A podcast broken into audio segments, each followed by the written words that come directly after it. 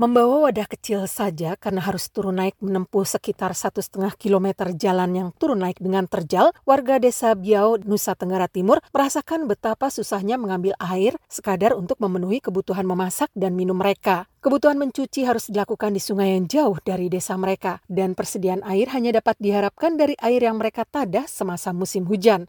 Biau beruntung karena kemudian dilirik Solar Chapter sebagai salah satu desa penerima bantuan pengadaan pompa air tenaga surya. Sejauh ini, kata Januarius Primus Un, kepala desa Biau yang sudah dibangun adalah jaringan pipa kurang lebih 3 km dengan satu pompa tenaga surya dengan satu paket panel surya ada satu bak menara dengan instalasi-instalasi di dalam pemukiman. Ke seluruh 221 kepala keluarga di desa itu sudah merasakan air bersih yang berlimpah. Dengan adanya kemudahan akses air bersih, rencana desa selanjutnya adalah memanfaatkan air untuk menambah pendapatan ekonomi maupun meningkatkan nutrisi rumah tangga, misalnya dengan memelihara ikan di kolam atau bercocok tanam sayuran. Solar Chapter sendiri adalah organisasi yang mewadahi anak-anak muda, mahasiswa Indonesia di luar negeri yang ingin berkontribusi untuk daerah terpencil di Indonesia. Mustika Wijaya, ketua sekaligus seorang penggagas Solar Chapter, mengawali organisasi itu pada tahun 2017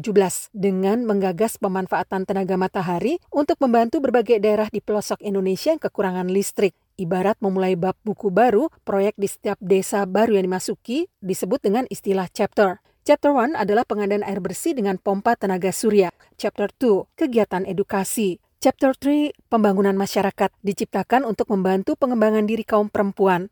Misalnya menjadikan mereka lebih produktif dan memahami cara memasarkan kain tenun ikat, bahkan membantu memasarkannya hingga ke mancanegara. Hildegardis Amoy Hana, salah seorang perempuan penenun di desa Biau, merasakan betul manfaat bantuan Solar Chapter. Bersama dengan kelompok UMKM-nya, ia menerima pesanan membuat 30 lembar selempang tenun ikat per bulan.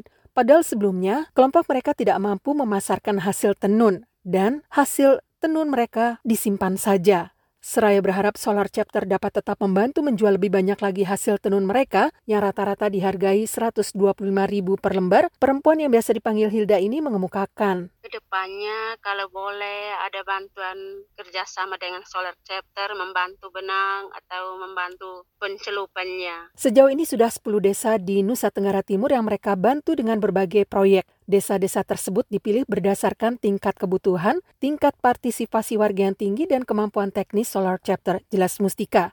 Perempuan lulusan University of Illinois at Urbana-Champaign, UIUC ini melihat dampak nyata pada proyek-proyek yang dijalankan Solar Chapter. Di antaranya, ternyata dari program air kita, pendapatan warga bisa naik sekitar 113 persen. Jadi pendapatan bisa dua kali lipat. Mungkin dari yang hal-hal testimoni kecil gitu. Contohnya anak-anak bisa mandi dua kali. Hingga kini ada sekitar 160 anggota Solar Chapter yang tersebar di enam universitas di Amerika, serta kumpulan mahasiswa dari berbagai universitas di cabang Hong Kong, Vancouver, Kanada, dan Melbourne, Australia. Masih banyak lagi yang setiap tahun menyatakan berminat bergabung dengan Solar Chapter, tetapi hanya sekitar 20 persen saja yang dapat diterima. Mustika menyatakan mereka disaring berdasarkan komitmen kuat terhadap proyek yang mereka garap. Apa saja menjadi alasan para anggota ingin bergabung? Ezekiel Jovan Cahyadi, mahasiswa tingkat akhir di Hong Kong University of Science and Technology yang menghabiskan semester terakhirnya di Boston College, mengaku baru tergerak untuk bergabung pada waktu pandemi COVID-19 merebak. Sementara tak sedikit mahasiswa di Hong Kong diharuskan kembali ke negara asal mereka untuk mengikuti kelas daring atau bahkan berhenti kuliah sampai pandemi berakhir, ia menyatakan beruntung masih dapat mengikuti kelas-kelas online. Walaupun kita kuliah online gini, tapi sebenarnya kita tuh beruntung hitungannya karena banyak orang yang pada saat pandemi itu nggak bisa belajar sama sekali dan bahkan setelah pandemi pun belajar susah gitu. Jadi kayak hmm. kita merasa selama ini kita beruntung juga dan mungkin dari kita tuh sebenarnya bisa membantu mereka yang kurang beruntung gitu dan makanya project-project kita juga project edukasi karena memang kalau dari aku sendiri dan teman aku kita berdua mulai itu passion kita lebih ke edukasi. Jovan terlibat dalam proyek renovasi SD Impres di Desa Fatoin, Timur Tengah Utara yang kondisi bangunannya rusak parah, memperbaiki sanitasi serta penyediaan bahan-bahan edukasi. Rata-rata program air Solar Chapter memerlukan biaya 260 juta, sedangkan program edukasi sekitar separuhnya. Dana ini diperoleh dari donasi perusahaan-perusahaan yang bisa berupa uang tunai atau material. Salah satu donatur Solar Chapter adalah kawan lama grup Senior Corporate Communication and Sustainability Manager kawan lama grup Beatrice Susanto mengatakan kerjasama pengadaan air bersih dengan Solar Chapter pertama kali direalisasikan di Desa Biau pada tahun 2021.